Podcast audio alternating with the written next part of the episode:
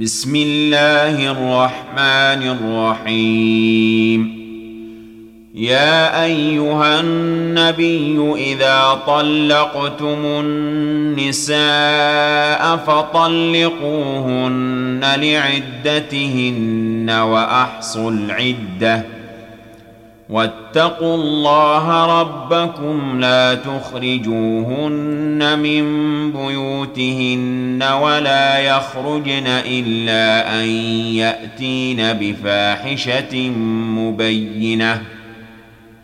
وتلك حدود الله ومن يتعد حدود الله فقد ظلم نفسه.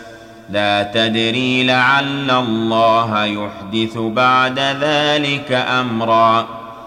فإذا بلغن أجلهن فأمسكوهن بمعروف أو فارقوهن بمعروف. وأشهدوا ذوي عدل منكم وأقيموا الشهادة لله.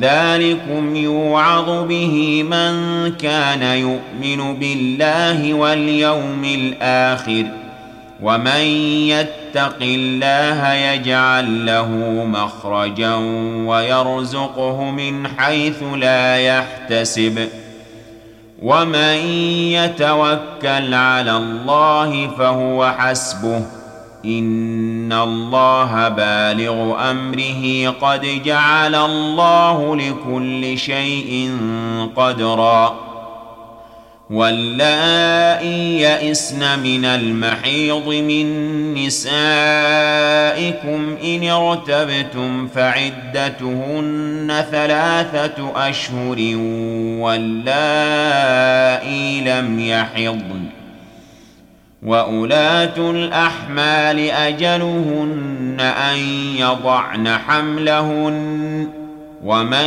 يتق الله يجعل له من امره يسرا ذلك أمر الله انزله اليكم ومن يتق الله يكفر عنه سيئاته ويعظم له اجرا أسكنوهن من حيث سكنتم من وجدكم ولا تضاروهن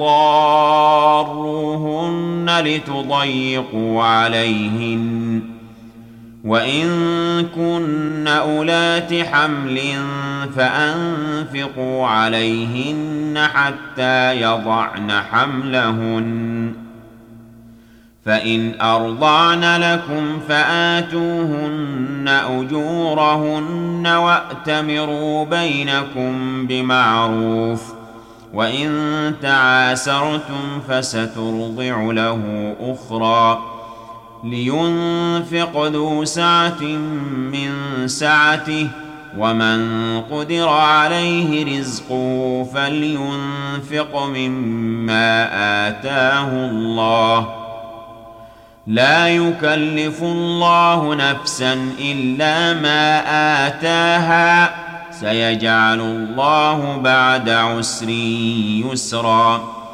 وكأي من قرية عتت عن أمر ربها ورسله فحاسبناها حسابا شديدا وعذبناها عذابا نكرا. فذاقت وبال أمرها وكان عاقبة أمرها خسرا. أعد الله لهم عذابا شديدا. فاتقوا الله يا أولي الألباب الذين آمنوا قد أنزل الله إليكم ذكرا.